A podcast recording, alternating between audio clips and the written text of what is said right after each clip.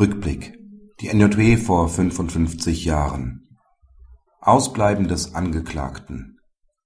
Wie lange muss das Gericht bei Ausbleiben des Angeklagten mit dem Beginn der Verhandlung warten?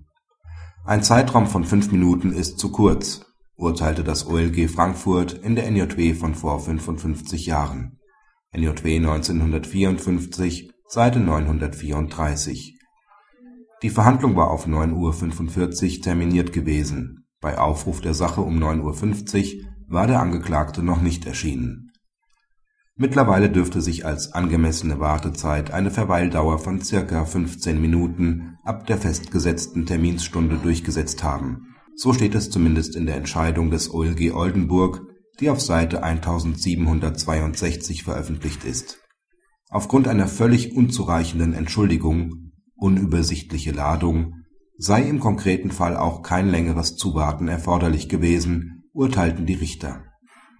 Dass eine Entschuldigung auch bei einem unvollständigen ärztlichen Attest ausreichend sein kann, befand das OLG Nürnberg. Dessen vollständiger Beschluss ist unmittelbar vor dem Urteil des OLG Oldenburg abgedruckt